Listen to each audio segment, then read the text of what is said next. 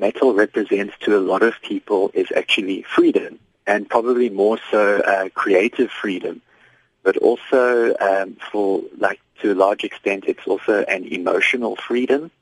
And you find that a lot of the uh, subgenres exist because people channel certain kinds of energy through different sounds and different styles, which is what forms the subgenres. But the sort of metal sort of umbrella term, it's, yeah, I can't really say it's anything but freedom. Uh, when you hear the music, when you see the people um, expressing themselves to the music, you know, oftentimes from an outside perspective, it's a little bit bizarre.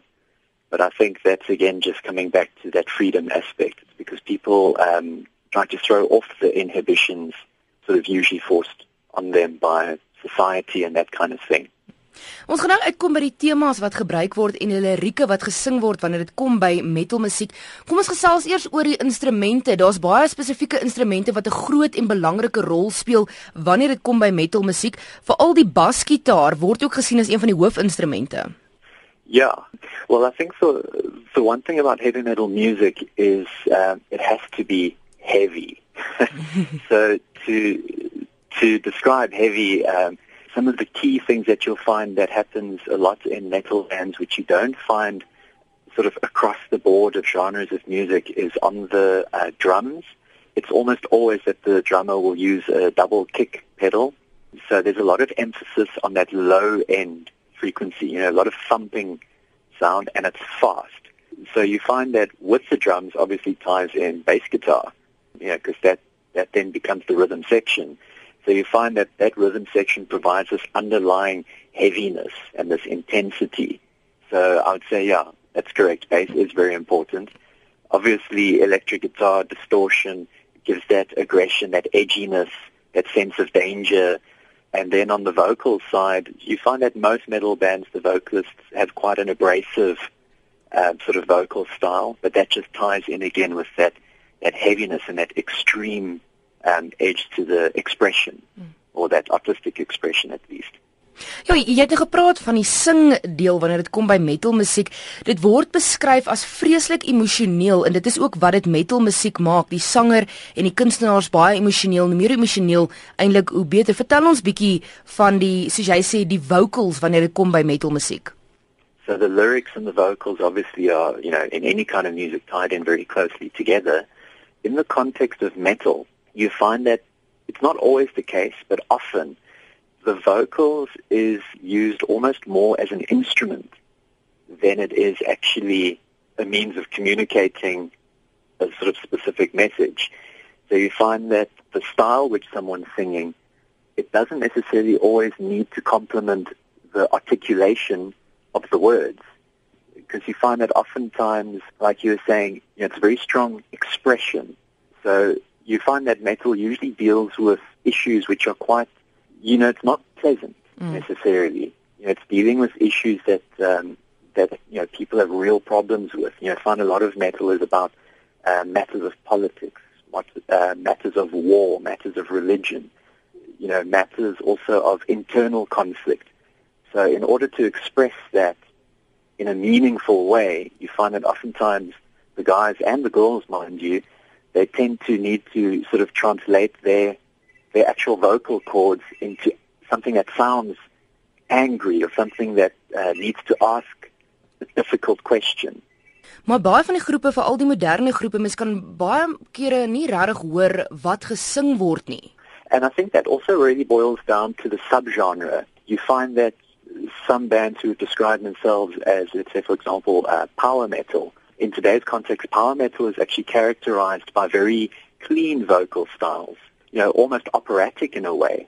So in most power metal bands, you actually won't get that gritty, growly, uh, raspy type of vocal. Um, in some cases, not even at all. In other cases, just really lightly brought in there. Uh, but then you get, for example, uh, death metal, and the name I think kind of says it all. Yeah. Um, and in death metal, yeah, it's it's you know, um, oftentimes people have trouble really actually latching onto what is being sung you know, it's such a diverse genre in the broader sense that you can actually find almost any kind of vocal style in there. There are no real rules as to what makes a, a metal vocalist a metal vocalist.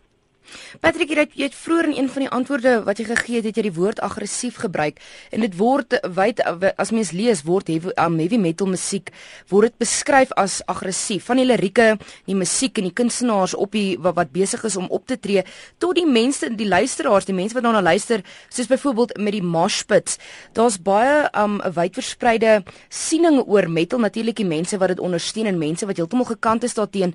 Sal jy sê metal musiek moedig uh, Yeah, look, to answer that question as best I can, I have to sort of reference certain things. Like a couple of years ago, there was some incident where a guy took a sword to school, I think it was, and he you know, committed quite a severe act of violence against his classmates and stuff.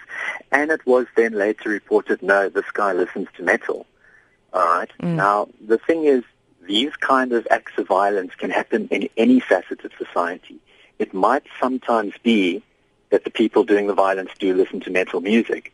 But to say that they committed that act of violence because they listen to heavy metal music, there isn't really enough substantiative evidence to suggest that that's true. To come back to your actual question, I would say no. I don't think heavy metal breeds violence in people. In fact, I think for for the most part, I think it actually does the opposite. Now, the reason I say is because as an expressive format, heavy metal serves a lot of people actually as a channel to um, vent off steam, artistic and harmless manner. And I think a lot of people from the outside might look in and say, no, but they don't understand this. It doesn't make sense. But you described a mosh pit, for example. Now, a mosh pit, for anyone who hasn't seen one before, this is where you have an audience in front of a stage and they go what most people would say looks like absolutely crazy. so now, in that storm of craziness, people say, oh, but you know, someone's, you know, likely to get hurt. And I'm not going to try and say, no, no one's going to get hurt. You know, everyone comes out of there with a few bumps and bruises. More serious accidents can happen.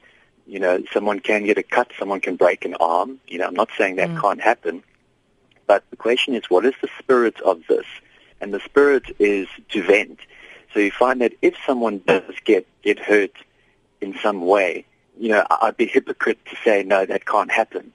But if they do, no one went in there to deliberately hurt someone else. And no one went in there necessarily because they wanted to get hurt or hurt someone else. But that's where it comes the risk factor. People who attend concerts like this, they know that this is an expressive channel. But what is kind of remarkable in a way is we do these events down in Cape Town where we have on average seven to eight hundred people in attendance every time. We've been doing it for about nine years.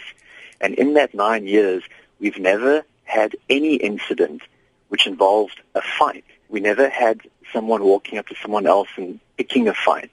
So you find that the people in spirit are actually quite placid. And you find this outside, usually of the heavy metal environment as well, very placid spirits. And the reason mm. why is because we have this channel to vent our aggression. But there's a lot of people in society spheres of society that don't have those kind of vents. What do they do with that energy, that negative energy which we tend to get charged with on a day-to-day basis? How do they get that out of their system? For the most part, us metalheads, we'll go to a concert and we'll let loose. But no one's out there to deliberately hurt someone.